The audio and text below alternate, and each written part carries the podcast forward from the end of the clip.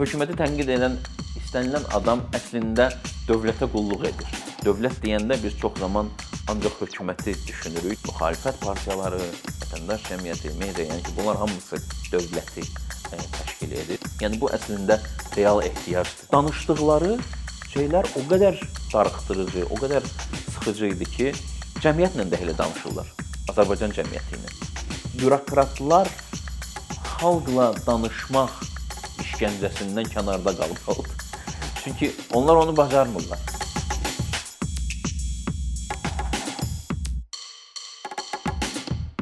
Rəşad salam. Salam Ruslan. Xoş gördük səni. Bizim səninlə həmişə söhbətlərimiz çox maraqlı olur. Nə mənada maraqlı olur? Biz məncə baş verən hadisələri həm tarixi kontekstə qoya bilirik, həm də müasir zamanın çağırışları nöqteyi nəzərdən bir yerdə təhlil edə bilirik. Ona görə ümid edirəm ki, indiki müsahibəmizdə elə o istiqamətdə olacaq. Məncə əkinçinin dinləyiciləri üçün çox maraqlı olar. Əlimizdən gələni eləyərik. Bu Azərbaycanın ə, e, taleyində son aylar ümumiyyətlə belə fundamental hadisələr oldu. Məsələn, müharibə oldu, 44 günlük müharibə. Onun təsirini biz ə, e, mənə elə gəlir ki, çox az ölçüdə görə bilirik, çox böyük ölçüdə də görə bilmirik hələ ki. Bəlkə bunun üçün müəyyən bir zaman keçməlidir. Bunun üçün müəyyən bir ümumiyyətlə analitik infrastruktur olmalıdır ki, o müzakirə edilsin, yazılsın bu haqqda.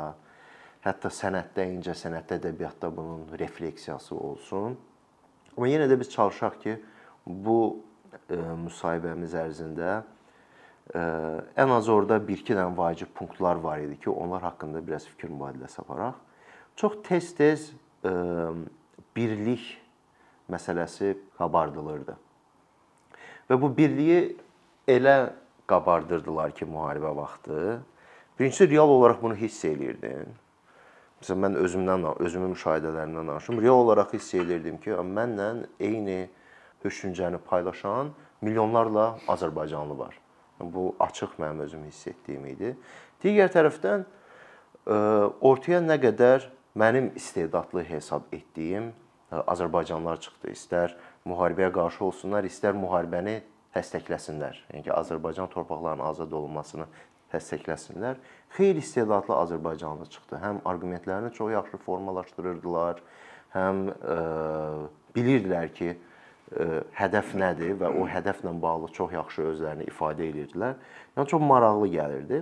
Amma birlik tək bununla ölçülmür. Birliyin əsasında həm də ə, insanların gözləntiləri var idi ki, müharibə bitəndən sonra qalibiyyət biz qələbə əldə edəndən sonra Azərbaycan da dəyişəcək müxtəlif istiqamətlərdə. İndi mən özüm çox uzatmadan sənin fikrini almaq istəyirəm ki, ümumiyyətlə bu birlik ifadəsini, birliyi bir məhfum olaraq bir təhlil eləyək. Sənin fikirlərin bu haqqda maraqlıdır. Çox sağ ol e, Ruslan, çox maraqlı giriş elədin və ə, e, mənə elə gəlir ki, ə, e, bu birliyə biz ə, millətçilik ə, çərçivəsində konseptual olaraq ə, baxa bilərik. Ə, millətçilik, ə, nationalism deyilən ə, anlayış ki var milli dövlətin formalaşmasında xalqın və ya o ərazidə yaşayan insanların hansı hisslərdən keçməsi, yəni bunun emosional, psixoloji bir belə bir vəziyyət var ki və deyilənlərə görə məsəl üçün millətçilik dövlət yaradır. Və çox maraqlıdır ki, 90-cı illərin millətçiliyi ilə 2020-ci ilin milliyyətçiliyini biz müqayisə etsək, 2020-ci ilin milliyyətçiliyi struktur olaraq tamamilə fərqli bir şeydir. Çünki dövlət institutları və dövlət daha fərqli şəkildə inkişaf etdi və formalaşdı və onun yaratdığı, məsəl üçün məktəb vasitəsilə, dil vasitəsilə, media vasitəsilə onun yaratdığı bir yeni bir şəkil formalaşdı. Dövlət deyəndə mən sadəcə hökumət institutlarını nəzərdə tutmuram. Yəni buna hətta müstəqil media və ya vətəndaş cəmiyyəti partiyalar da daxildir ki, son 30 il ərzində bunlar insanların e, insanların zehniyyətini formalaşdırdılar. Bu bu məsələdə. Yəni Azərbaycanlı olmaq nə deməkdir? Qarabağın bu e, məsələnin kontekstin içində rolu nədən ibarətdir? Dil məsələsi məsəl üçün çox ə, aktual və vacib bir məsələyə çevrilib insanlar üçün və bu günə qədər də müzakirə olunan bir məsələdir ki, bu ə, həmin o millətçilik kontekstinin içindədir. Və ə, çox maraqlı bir şey sən dedin, mən də istəyərdim o oradan ə, biraz ə, mülahizə edim. Məsəl üçün fərqli insanlar fərqli yerlərdə, hətta fərqli ölkələrdə eyni ideyanı bir ə, an içində ə, deməli qucaqladılar və bunun üzərində ə, həm emosional, həm intellektual ə, söhbətlər ə, başladı. Buna ə, Benedict Anderson ə, məşhur ə, politoloq buna imagined community deyir. Yəni xəyali icma qurulur. İnsanlar bir-birini tanımırlar, amma eyni ruha, eyni məqsədə, eyni mərama xidmət edirlər və özlərini hansısa bir icmanın bir parçası hiss edirlər. Bu çox çox maraqlı bir şeydir və mənə elə gəlir ki, hətta mən məsəl üçün belə bir status yazmışdım Şuşa azad olunanda ki, bu əslində bir millətin yenidən doğulması kimi bir şeydir. Həqiqətən də, yəni o xəyali icma çox böyüdü, genişləndi və demək olar ki, hər kəsi içinə aldı. Çox maraqlı bir vəziyyət yaranmışdı. Və mən düşünürəm ki, hətta məsəl üçün müharibə əleyhinə olan insanlar belə o icmanın içində idilər. Yəni ki, o ə, diskursun içində idilər. Bu üzr istəyirəm, sözünü kəsdim. Bu bizim ikimizin razılaşdığımız nöqtələrdir də deyək ki, Çalışaq indi biraz buna tənqidi istiqamətdən baxaq. Yəni bir tərəfdən xoşdur ki, bu qədər böyük bir toplumu, yəni Azərbaycan Qafqazda digər ölkələrdən əhali etibarilə daha çox insanın yaşadığı bir ölkədir də. Bu toplumun torpaqlarının işğaldan azad edilməsi faktoru bu onları birləşdirən bir nöqtədir. Digər tərəfdən də mənim hiss etdiyim budur ki, bu nöqtə e, yalnızca bu kimi məfhumlar ətrafında hiss olunur, bu ortaq nöqtə. Məsələn, birliyimizi biz təhlil eləyəndə, mən özüm şəxsən daha dərindən təhlil eləyəndə görürəm ki, bu birlik konstitusion birlik deyil. Hı -hı. Bu birlik deyək ki, hansısa vətəndaş haqqları, sosial ədalət prinsipləri ətrafında yaranan bir birlik deyil və bir növ mənə biraz yarımçıq birlik gəlir. Yəni ki, nəsə çatmır ki, o bun, bundan irəli gələn bu bu birlikdən irəli gələn o enerji, o birlikdən irəli gələn bu istedad ifadəsi, intellekt ifadəsi həm də transfer olunsun ki, digər məsələlər də həll olunsun Azərbaycanda. Hı -hı. Çox ə, düzgün qeyd edirsən ki, ə, bunlar əslində bu biz paralel müstəvilər kimi baxa bilərik bir müstəvidə ə, demək olar ki, bütün əhalini, insanları əhatə edən bir xəyali icma qurulur ki, bu kimliklə bağlıdır, o hisslərlə, millətlə bağlıdır.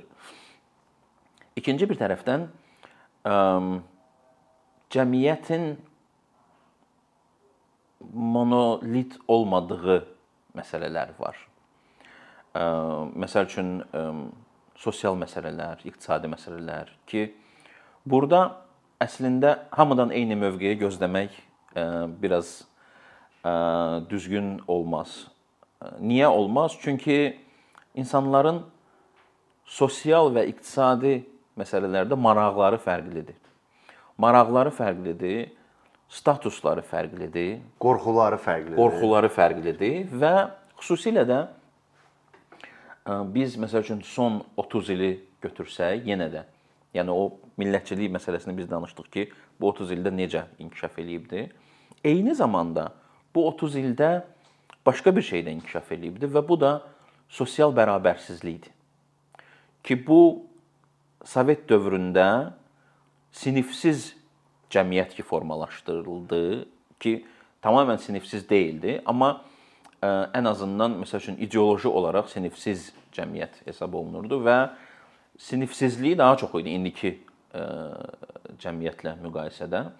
Son 30 ildə formalaşan bir kapitalizmin nəticəsində formalaşan bir sosial bərabərsizlik var. Kapitalizmin və dövlət əslində quruculuğunun, çünki bürokratiyada bu sosial bərabərsizlikdə rol oynayır. Onun yaratdığı bir ortam var ki, orada artıq varlı və kasıb var, güclü və zəif var. Bunlar bir epizod kontekstində birləşə bilər, amma epizodlardan asılı olaraq fərqlənə də bilər. Çünki məsəl üçün müharibə zamanı insanlar hamı Şuşanın azad edilməsinə sevinir.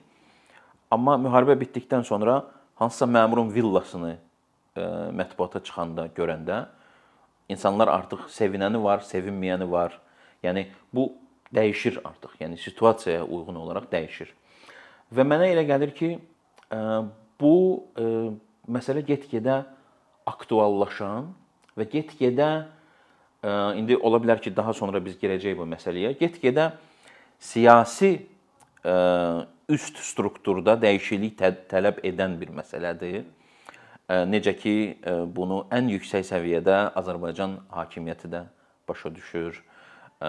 Prezident özü bu haqqda danışır.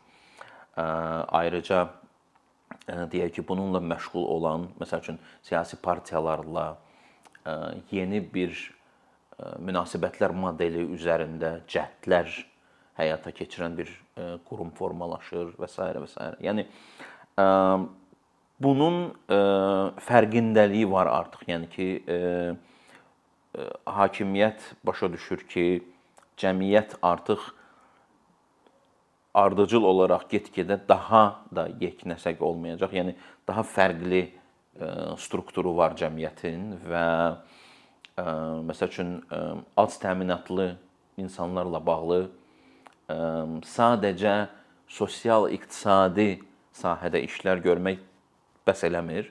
Eyni zamanda bunlara təmsilçilik və iştirak anlamında da hansısa hansısa töhfələr verilməlidir. Ona görə də məsəl üçün partiyalarla bağlı, müxalifətin zərurəti ilə bağlı hakim sinif və ya hakim komanda fikirlər söyləyir. Bu haqqda danışırlar. İndi bunu hara qədər apara bilirlər, o ayrı bir məsələdir. Çünki orada Və bu apara bilirlər məsələsi maraqlıdır da. Yəni onlar çalışırlar ki, yəni sənin də dediyindən, özüm də müşahidəmdən e, belə qənaətə gəlmişəm kimi. Onlar nə qədər də vəziyyəti başa düşsələr də, amma tam olaraq istəyirlər ki, hər şey onların müəyyən etdiyi gündəliyin içərisində baş versin. Yəni bu gündəlikdən kənarda hansısa bir siyasi fəallıq olmasın, hansısa bir media fəallığı olmasın ki, bu axıra qədər, bu ingilislər demişən ki, manage olunsun, idarə olunsun axıra qədər. Bizim bu söhbəti tənqid eləyə biləcək hansısa bir izləyici deyə bilər ki, axı müxalifətin zərurətin zəruri olduğunu anlayırsa siyasi elita, burada çox belə ciddi ə, idarə eləməyə ehtiyac yoxdur. Sərbəst buraxsınlar, seçki olsun sərbəst buraxsınlar, azad media olsun, kampaniya aparma ə, e, haqqı ə, e, haqqı olsun siyasi partiyaların, vətəndaş cəmiyyətinin və s. və onda o özü özünü tənzimləyəcək. Nəyə görə indi bu idarə et idarə necə deyim, idarə olunan ə, e, müxalifətin zərur zəruri olması yanaşması ilə azad buraxın müxalifət zəruridirsə azad buraxın. Onlar özləri özlərini tənzimləsinlər və rotasiya olsun. Bundan bağlı nə? Um, yaxşı suallardır. Um, deyə bilmərəm ki, bunun dəqiq cavabları var məndə. Um, və ya ümumiyyətlə um, cəmiyyət deyək ki, bu müzakirələrə um, nə qədər hazırdır?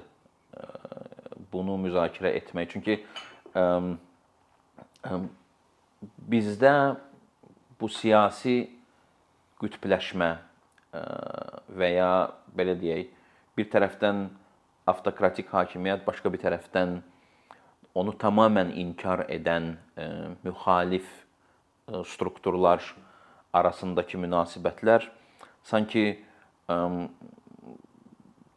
uzun bir müddət davam edibdi və çox dərinə gedibdi.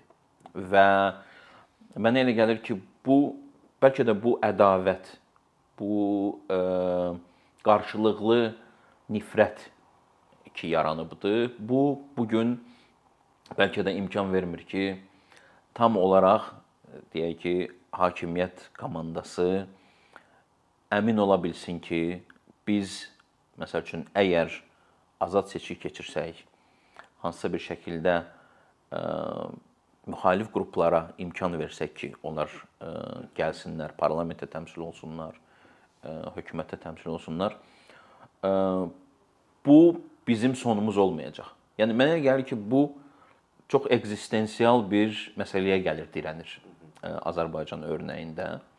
Hakimiyyətdən getmək və ya hakimiyyəti paylaşmaq ə, belə düşünülür ki, son olacaq. Və bu qorxu, bu ə, e, təhlükə, bu risk hakimiyyəti həddindən artıq ehtiyatlı olmağa ə, e, sövq edir. Elə eləyir ki, ə, e, onlar bütün addımlarını çox incə belə deyim, meyarlarla ölçüb biçsinlər və ə, bu da ə, belə deyək, bu sahədə islahatlar üçün e, çox böyük əngəl yaradır. Yəni e, bu ekzistensial risk, yəni mövcud olma riski ki var ortada, bu çox böyük problem yaradır. E, və bu əslində çox maraqlıdır ki, biz verilişdən əvvəl də səninlə müzakirə edirdik bu Türkiyə misalını. Bizim üçün bu mənada məncə çox maraqlı bir təcrübədir, çox maraqlı bir tarixdir və biz buna çox az baxırıq. Yəni bu haqqda çox az bəlkə də danışırıq ki, Türkiyədə tək partiyalı sistemdən, yəni avtoritar sistemdən demokratik çox partiyalı sistemə keçid necə baş verib? Sadəcə bir dənə əlavə eləyim. Bizdə ümumiyyətlə çox maraqlıdır ki, və anlaşılandır, bizim tarixi demokratik inkişaf proseslərini təhlil edəndə daha çox istinad olunur postsovet məkanı, Şərqi Avropa, Şərqi Avropa məkanı, xüsusilə Gürcüstan və indi Türkiyə e, tərəfinin açılması çox maraqlıdır. Xüsusilə indi Türkiyə ilə Azərbaycan arasında bu qədər sıx strateji və mənəvi müstəvidə əlaqə var, Birlik, bağlılıq əməkdaşlıq var və s. Yəni mənim yadımdadır ki, biz Türkiyədə bir seminara qatılmışdıq. Yox, biz onları dəvət etmişdik. Bura gəlmişdilər. Onlar 14 may gününü qeyd eləyirdilər. 14 may 1950-ci il Türkiyədə ilk azad və demokratik seçki keçirilibdi. Yəni 1923-cü ildə cümhuriyyət qurulubdu. 27 il sonra ilk seçki keçirilib, azad seçki. Çünki o vaxta qədər Türkiyədə tək partiyalı sistem mövcud idi. Cümhuriyyət Xalq Partiyası ki Atatürkün partiyası idi və ə, Cümhuriyyəti quran partiya idi o demək olar ki, hər şeyi kontrol eləyirdi. Və başqa bir partiya heç kimin ağlına da gəlmirdi. Yəni tək parti dönəmi deyirlər. Həm icranı kontrol eləyirdi, həm qanunvericiliyi vericiliyə nəzarət edirdi. Məsəl üçün yerlərdə, Türkiyənin vilayətlərində valilər həm də CHP-nin yerli rəisləri idi və seçkilər də çox belə deyək, müəmmalı şəkildə keçirilirdi. Yəni ə, tək partiya dönəmi 1950-ci ildə bitir. Amma maraqlıdır ki, necə bitir? Ə, bunun bitməsi, bu bu proses çox maraqlıdır. Ə, yeni bir partiya yaranır, Demokrat Partiyası və bu partiya CHP-nin içindən çıxır. Ə, o vaxta qədər müxtəlif cəhdlər olur CHP tərəfindən ki, loyal ə, belə deyək, partiyalar yaratsın. Məsəl üçün müstəqil partiya yaradırlar. Türkiyə Böyük Millət Məclisinin içindəki e, deputatlardan onlara icazə verirlər ki, tənqid eləyin hökuməti, amma bir yerə qədər də Amma Demokrat Partiyasının yaranması 40 40-cı illərdə 45-ci 46-cı illərdə və seçkilərdə ilk iştirakı 1946-cı ildə bu artıq yəni bir inqilabi dəyişiklik olur. Amma yenə də söhbət nədən gedir? Söhbət ondan gedir ki, Demokrat Partiyası CHP-nin içindən çıxan partiya olur və ideoloji olaraq heç bir fərqləri olmur. Yəni ə, hətta insanlar əvvəl başa düşmürlər ki, yəni bu partiya nəyə lazımdır? Yəni əgər ə, CHP varsa, yəni və siz eyni şeyləri deyirsinizsə, amma söhbət nədən gedir? Söhbət ondan gedir ki, müəyyən bir qrup çıxır hakimiyyətin içindən və deyir ki, hakimiyyət bu, bu, bu işləri düz görmür. Hökumət bu işləri düz görmür. Biz onu daha yaxşı görə bilərik. Və bunu dediyi zaman cəmiyyətin müəyyən bir hissəsindən dəstək alır. Yeni ittifaq yaranır. Məsəl üçün intelligensiyanın bir hissəsi qoşulur, biznesin bir hissəsi qoşulur və orada çox maraqlı bir fərqlənmə yaranır ki, məsəl üçün Vehbi Koç Cümhuriyyət Partiyasını, Xalq Partiyasını dəstəkləyir.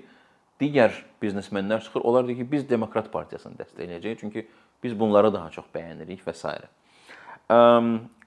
Düzdür, sonradan Türkiyə tarixi, siyasi tarixində Demokrat Partiyası ilə bağlı problem başlayır yaşanmağa 50-ci illərdən sonra ki, onlar da avtoritarlaşır, haqq və hüquqları əzməyə başlayırlar, jurnalistləri tuturlar və s.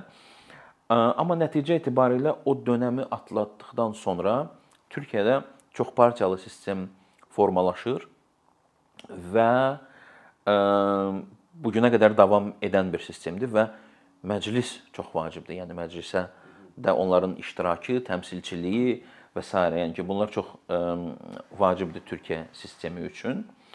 Ə, və bu gün məsəl üçün 2-3 gün bundan əvvəl maraqlı belə bir şəkil ə, gördüm mən Twitterdə ki, ə, Müdafiə naziri və Daxili İşlər naziri Türkiyənin onlar gedib müxalifət partiyaları ilə görüşürlər və hansısa bir əməliyyat haqqında, Türkiyə hərbi qüvvələrin keçirdiyi bir əməliyyat haqqında onlara məlumat verirlər. Yəni bu o deməkdir ki, məsəl üçün müxalifət partiyaları bunlar legitim iştirakçılardır siyasi prosesinin, dövlətin bir parçasıdır. Yenə də yəni dövlət deyəndə biz çox zaman ancaq hökuməti düşünürük, çünki elə bir ki gözümüz elə görüb ona öyrəşmişik də. Amma dövlət yeni mənada məncə başqa şeyləri ehtiva etməlidir. Yəni müxalifət partiyaları, vətəndaş cəmiyyəti, media, yəni ki, bunlar hamısı dövləti təşkil edir. Çox vacib məsələ nədən ibarətdir? Ki Türkiyədə o dövrdə Cümhuriyyət Xalq Partiyası başa düşür ki, sosial-iqtisadi problemlər getdikcə artacaq və bunun qarşısını almağın yolu sadəcə hökumətin siyasəti deyil. Yəni hökumətin siyasəti ilə bunu bir yerə qədər həll edə bilirsən. Burada politics lazımdır. Policy yox, politics. Yəni ictimai siyasətə imkan verilməlidir ki, insanların fikirləri dinlənilsin, onların mövqeləri publik məkanda olsun və bu həm iştirakı artırır, həm də o ekzistensial təhlükələri ortadan götürür. Yəni bunu biz biraz ə, Azərbaycan reallığı ilə paralel aparsaq, yəni bu son ə, arqument ki, hökumət anlayır ki, ona müxalifət lazımdır, məhz bu ekzistensial böhranı aradan qaldırmaq üçün. Ə, və bu nümunə ki, göndərir iqtidar partiyası e, özünün müdafiə nazirini və daxili işlər nazirini göndərir müxalifət partiyalı rəhbərlərinin yanına ki, bəs hansısa bir əməliyyat gedir onunla bağlı, bəlkə də məxfi məlumatı onlarla paylaşırlar ki, məlumatlı olsunlar. Bunu biz biraz Azərbaycana tətbiq edəndə görürük ki, hökumət mənim özümün gördüyüm budur ki, hökumət hardasa özünə yaxın və özünün əməkdaşlıq edə biləcəyi müxalifətin yaranması da maraqlıdır. Amma eyni zamanda bəlli müxalif çevrələr var ki, onları tamamilə kənarda saxlamaq istəyir. bizdə tam fərqli Hə, istiqamətdə. Həm fərqlidir, amma həm də ə, bənzərdir. İndi mən Türkiyə örnəyini deyim. Məsəl üçün həm CHP-də, həm Demokrat partiyada ə, mühafizəkar qruplar var idi. Yəni onlar bir-birini düşmən görmək ə, kimi ə, şey seçiblər, strategiya seçmişdilər. Məsəl üçün CHP-də, iqtidar partiyasında mühafizəkar qrup var idi ki, deyirdi ki, nə danışırsınız? Ümumiyyətlə olmaz. Yeni partiyanın yaranmağı nəyə lazımdır? Müxalifət partiyası. Yəni nə ehtiyac var buna? Bütün islahatları, iqtisadi və s. yəni ki, biz özümüz eləyərik. Yuxarıdan aşağı. Yəni artıq belə deyək, e, baş ağrısı lazım deyil bizim üçün. Eyni zamanda, yəni ki, orada da bir ekzistensial qorxu var idi ki, bu yeni yaranmış dövlətin məhvinə gətirib çıxarda bilər və s. İsmət İnönü Türkiyənin prezidenti və CHP-nin başqanı o başqa cür düşünürdü. O düşünürdü ki, yox, islahatları Avropa, Qərb modeli ilə eləmək lazımdır. Ümumiyyətlə o Türkiyənin qərbləşmə yoluna diqqət edirdilər və bilirsən ki, məsəl üçün 1951-ci ildə Türkiyə NATO-ya da girir, yəni o kluba da üzv olur. Bu bu çox maraqlı məqamdır ki, başda duran insan prezident konservatorların yox, CHP-də reformistlərin yanında olur. Və eyni zamanda yeni yaranan partiya, müxalif partiyasının içində də iki qanad var idi. Biri deyirdi ki, hökumətlə heç bir anlaşmaya, heç bir ittifaqa getmək olmaz. İkincisi deyirdi ki, yox, hökumətin içindəki reformistlərə dəstək vermək lazımdır. Yəni o moderatlərə, o mötədillərə dəstək vermək lazımdır ki, onlar hökumətin içində qalib gəlsinlər. Daha sonra onlar bu siyasi reform məsələsində bizimlə birgə olsunlar. Və elə də oldu. Çox qəribədir, çox ağıllı bir strategiya seçdilər. Yəni Məsəl üçün Cəlal Bayar, Adnan Menderes onlar müxalif olaraq müxalifətdə olan belə deyək, radikal, belə deyək ki, o ekstremist adlandırırlar. O qrupların ə, təmsilçi ə, o qrupların mövqelərini zəiflətdilər ki, hakimiyyətdə mötədillər qabağa çıxsınlar. Hətta belə bir maraqlı bir məqam var idi ki, ə, Adnan Menderesə deyirlər ki, Fevzi Çakmaq e, keçmiş general 44-cü ildə istefaya gedir ki, o gəlsin e, partiyanın e, başqanı olsun, Demokrat partiyanın.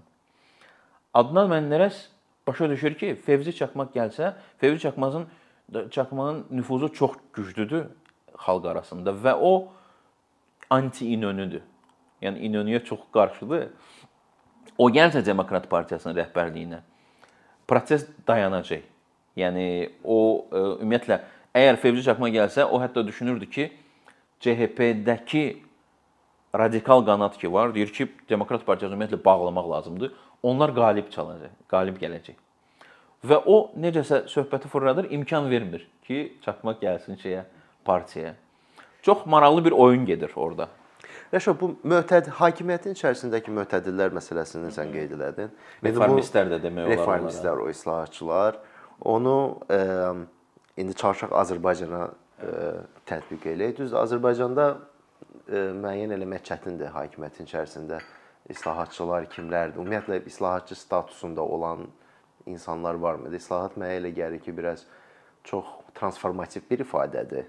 Yəni o bu qədər yavaş və bu qədər tədrici gedən bir proses deyil. Amma yenə deyək ki, müəyyən yeni idarə etmə prinsiplərini qəbul eləməyə hazır deyək ki, qruplar var və bu özünü gördüyüm qədərilə daha çox bürokratiyanın formalaşmasında göstərir. Yəni ciddi, yaxşı təhsili olan ə, e, və kimin şəxsi əlaqəsi varsa deyir ki, həm də yaxşı insandır. -hı. Belə ə, e, pis niyyəti yoxdur bacarıqlıdır, qabiliyyətlidir. Bu tip insanlar indi hal-hazırda bizim hökumət bürokratiyasının içərisində, daha doğrusu dövlət bürokratiyası içərisində çoxdur. Və yeni bu tip insanlar da gəlir.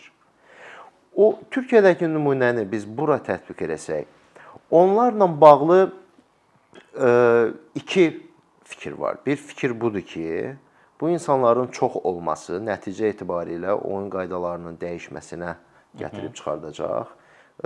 Daha idarəetmə daha səmərəli olacaq. Potensial olaraq korrupsiya faktları aradan qalxacaq. Və üçüncü, hətta belə uzağa gedib deyirlər ki, insanların həyat şəraiti daha da yaxşılaşacaq. Bürokratiya nə qədər savadlı, qabiliyyətli və yaxşı insanlardan ibarət olsa. Başqa bir fikir də budur ki, cəmiyyətdə siyasi islahatlarla bu müşahidə olunmasa, bu bürokratiyanın yeni insanlarla ibarət olması, onda bu insanlar da bürokratiyanın içərisində onlar da korrupsiya uğrayacaqlar. Onlar da pozulacaqlar. Çünki üst, üstlərində heç bir ictimai nəzarət mexanizmi yoxdur. Və bu iki ə, e, iddianın ikisi ilə də bağlı nə deyə bilərsən sən? Birincisi bayaq da qeyd etdiyim kimi, yəni biz gərək dövlətə kompleks bir şəkildə baxaq. Yəni dövlətin bir hissəsi hökumətdirsə və ya məclisdirsə, başqa bir hissəsi məsəl üçün iqtisadi oyunçular, iş adamları və s.dirsə, digər bir hissəsi də vətəndaş cəmiyyəti dediyimiz e, bir e, qismdir ki, bunlar nə ekonomik fəaliyyətlə məşğuldurlar, nə hökumətdədirlər, nə bürokratiyadadırlar. Sadəcə olaraq məsəl üçün onlar cəmiyyətdə müəyyən funksiyalar var, onları icra edirlər. Məsəl üçün media deyək e, və ya hətta deyək ki, ruhani funksiya, deyək ki, məsəl üçün din insanları və ya siyasi partiyalar və ya digər dərnəklər, təşkilatlar, maarifçiliklə məşğul olan insanlar və s. Dövləti biz kompleks şəkildə əgər nəzər yetirsək, baxsaq dövlətə, görərik ki, əgər hansısa islahatlar baş verəcəksə, onu sadəcə bir qismində etməklə məhdudlaşmaq olmur. Yəni deyək ki, siz deyirsiniz ki, biz bürokratiyanı islah edəcəyik daha yaxşı idarəçilik olacaq. Bu işin sadəcə bir hissəsidir. Çünki dövlət mürəkkəb bir mexanizmdir və dövlətin belə deyək, hakimiyyətlə və ya hökumətlə eyniləşdirilməsi əslində sonradan elə problemlərə gətirib çıxardır ki, onu həll etmək çox çətinləşir. Yenə də məsəl üçün o Türkiyə örnəyində biz görürük ki, CHP və dövlət Bunlar birləşirlər və bir müddət belə idarə olunur. Sonra görürlər ki, məsəl üçün iqtisadiyyatda o qədər ciddi problemlər yaranıb ki, onu sadəcə bürokratik mexanizmlərlə ə, e, mümkün deyil. Həll eləmək çətin olur. Yəni dolayısıyla sənin demək istədiyin budur ki, əgər yeni bürokratiya yaranırsa, yeni keyfiyyətdə və yeni tərkibdə bürokratiya yaranırsa, həm də bu bürokratiyanın səmərəliliyini təmin edə biləcək, onun üzərində ictimai nəzarət qura biləcək, paralel olaraq vətəndaş cəmiyyəti prosesi də getməlidir. Mediada müəyyən qədər azad olmalıdır ki, o öz üzərində bir nəzarət hiss eləsin, ictimai nəzarət hiss eləsin. Hə, yəni ə, e, belə deyək də, məsələn, bu masanın ən azı 3 ayağı olmalıdır ki, o dayana bilsin də. Yəni birinin üstündə dayana bilməyəcək, ikisinin də. Yəni ki, 3-dən başlayır sanki belə bir şey. Və mənə elə gəlir ki, get-gedə ona doğru gedir. Xüsusilə mənə elə gəlir ki, iki məsələ burada çox, çox vacib rol oynayır. İki faktor var ki, mən məsəl üçün onları çox vacib hesab edirəm. Birincisi nəsil dəyişimi. Ki, məsəl üçün Azərbaycanda indi və bir müddət sonra tamamilə fərqli bir nəsil yaşayacaq. Və bu nəslin gözləntiləri, ehtiyacları və dünya görüşü artıq əvvəlki kimi e, idarəçiliyə e, və ya dövlətin əvvəlki strukturuna uyğun gəlməyəcək. Bu fərqli bir nəsil olacaq. İkinci məsələ e, kapitalizm və onun yaratdığı təsirdir. Ki kapitalizmin nəticəsində siniflər yaranır, bərabərsizlik formalaşır, güclü, zəif, yoxsul, kasıb və s. bu məsələlər formalaşır, ortaya çıxır ki, buna cavab sadəcə bürokratiya ilə mümkün deyil, sadəcə policy ilə mümkün deyil. Buna cavab kompleks şəkildə olmalıdır. Burada hamı iştirak etməlidir. Məsəl üçün biznesin özü, iqtisadiyyat aktyorları iştirak etməlidir və bunu get-gedə daha çox biz hiss edirik ki, məsəl üçün ən azından ritorikada İqtisadiyyat Nazirliyinin dediyi şeylər çox fərqlənir əvvəl dediklərindən. Yəni bunlar hiss olunur ki, məsəl üçün problemin dərinliyini başa düşürlər. Bu ritorikanı, yəni deyirsən ki, bu problemin dərinliyini qəbul eləmək yavaş-yavaş ona gətirib çıxara bilər ki, həm də praktik müstəvidə o problemin aradan qaldırılması ilə bağlı da işlər görülsün. Ola bilər, ola bilər. Mənim ə, sadəcə ə, demək istədiyim odur ki, ə, işə, işin içinə hansısa bir mərhələdə siyasət girməlidir.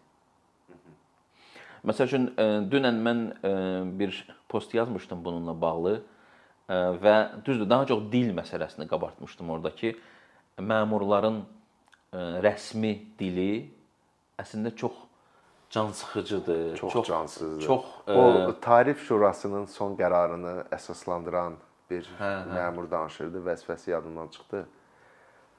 Ona qulaq asıram. İndi adam biraz polis adam olaraq məcburdur qulaq assın, o əsas o mətndəki əsas yerlərə fikir versin, amma o qədər can sıxıcı idi, o qədər quru idi. Can sıxıcıdır, cansızdır və çox maraqlıdır ki, dünən baxdığım mənim ə, ictimai televiziyada Türkiyə-Azərbaycan forumunu verirdilər. Ankarada baş verirdi. Və o kontrastda daha yaxşı görünür o şeylər. Məsəl üçün Türkiyədə tərəfdən olan bütün çıxışçılar onlar ə, çox maraqlıdır. Yəni ki, onlar söz deyə bilirlər, danışa bilirlər. Yəni hətta mən yazmışdım ki, şair kimidirlər elə bir hə. Arada bir kövrəldirlər adamı. Belə çox gözəl təmas qura bilirlər insanlarla. Bizimkilər çıxdı, hansı ki, məsələn, ola bilər ki, çox ciddi işlərlə məşğuldular, amma danışdıqları şeylər o qədər darıxdırıcı, o qədər sıxıcı idi ki, e, və onlar məsəl üçün cəmiyyətlə də elə danışırlar. Azərbaycan cəmiyyəti ilə. E, çox e, qəribə bir bürokratik dillə danışırlar ki, o dil artıq cəmiyyət üçün məqbul deyil. Fərqli bir dil olmalıdır. Diskurs olmalıdır. Mənə gəlir ki, o dil altında onlar özlərini qoruyurlar həm də. O potensial risklərdən. Hə.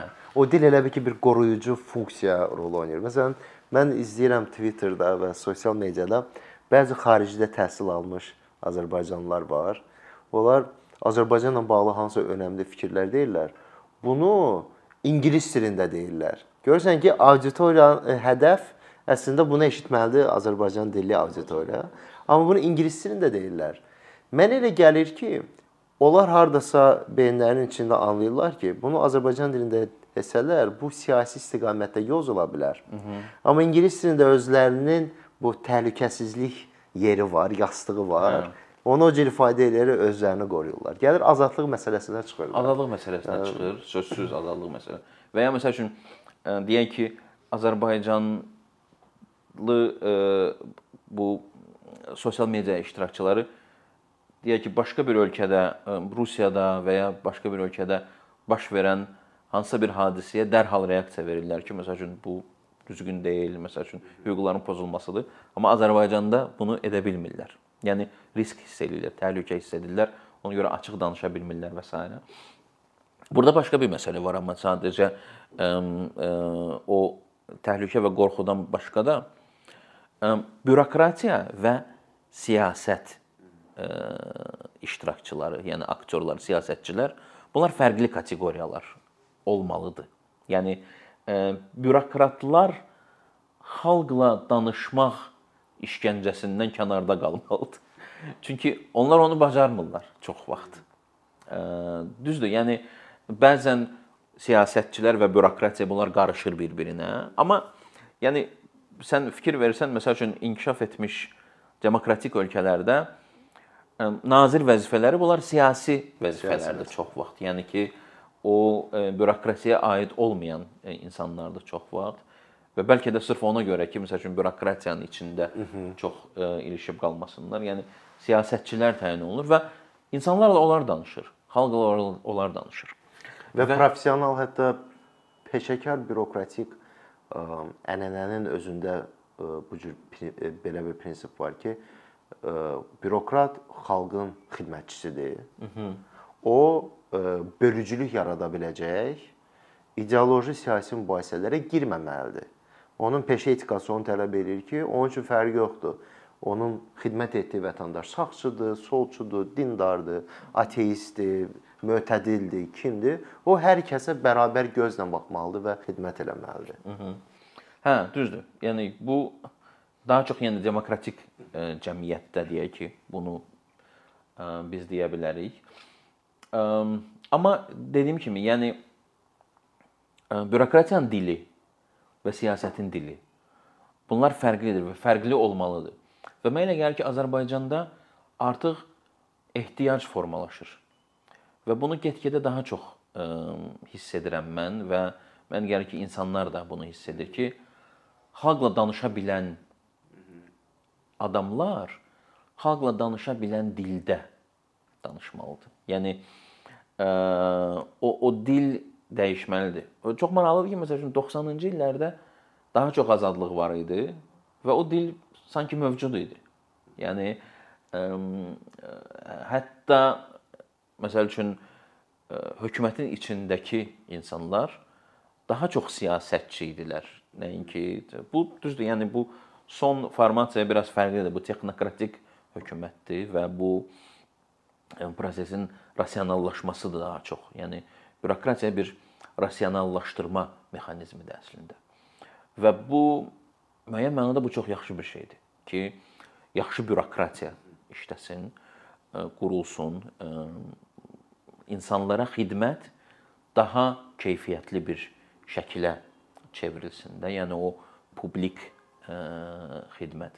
Amma publik xidmət, public service sadəcə bürokratiyadan ibarət olmalı deyil. Söhbət o, həm də siyasi izahını verə biləcək təmsilçilər olmalıdır. Siyasətçilər olmalıdır. Siyasətçilər olmalıdır. Jurnalistlər olmalıdır, vətəndaş cəmiyyəti olmalıdır və s.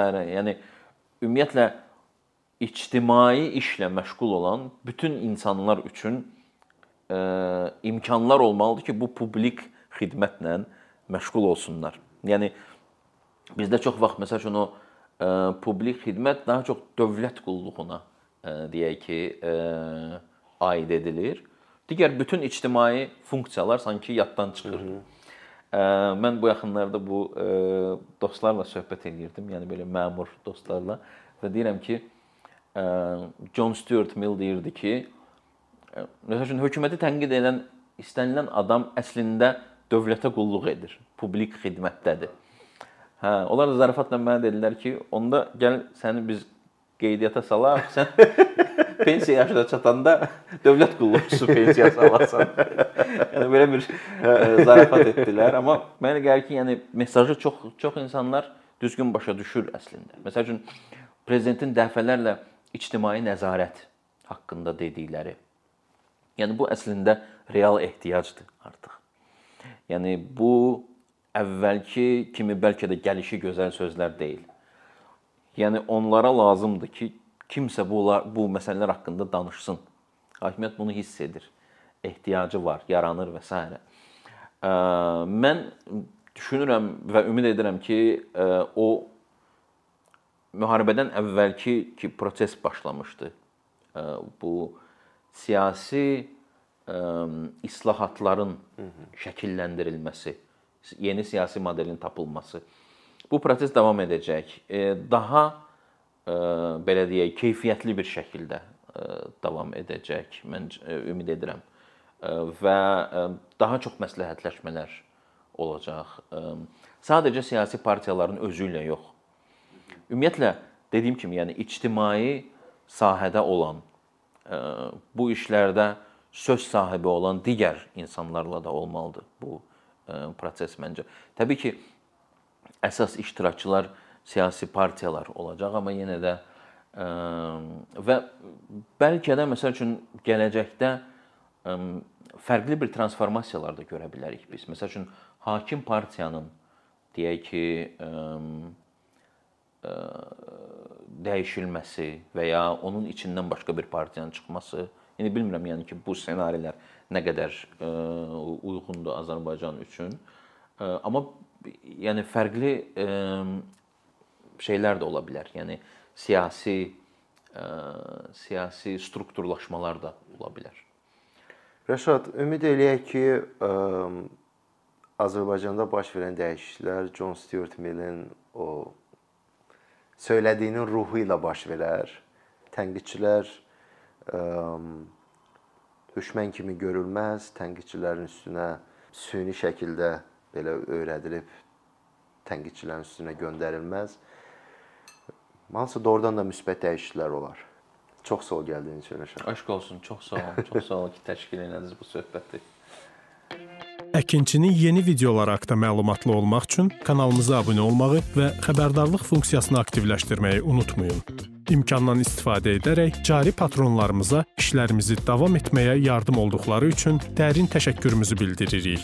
Əkinçinin Patreon icmasının üzvü olaraq siz bizim təşəbbüsə dəstək göstərməklə bərabər hazırladığımız materialları hər kəsdən öncə izləmə imkanı əldə edəcəksiniz.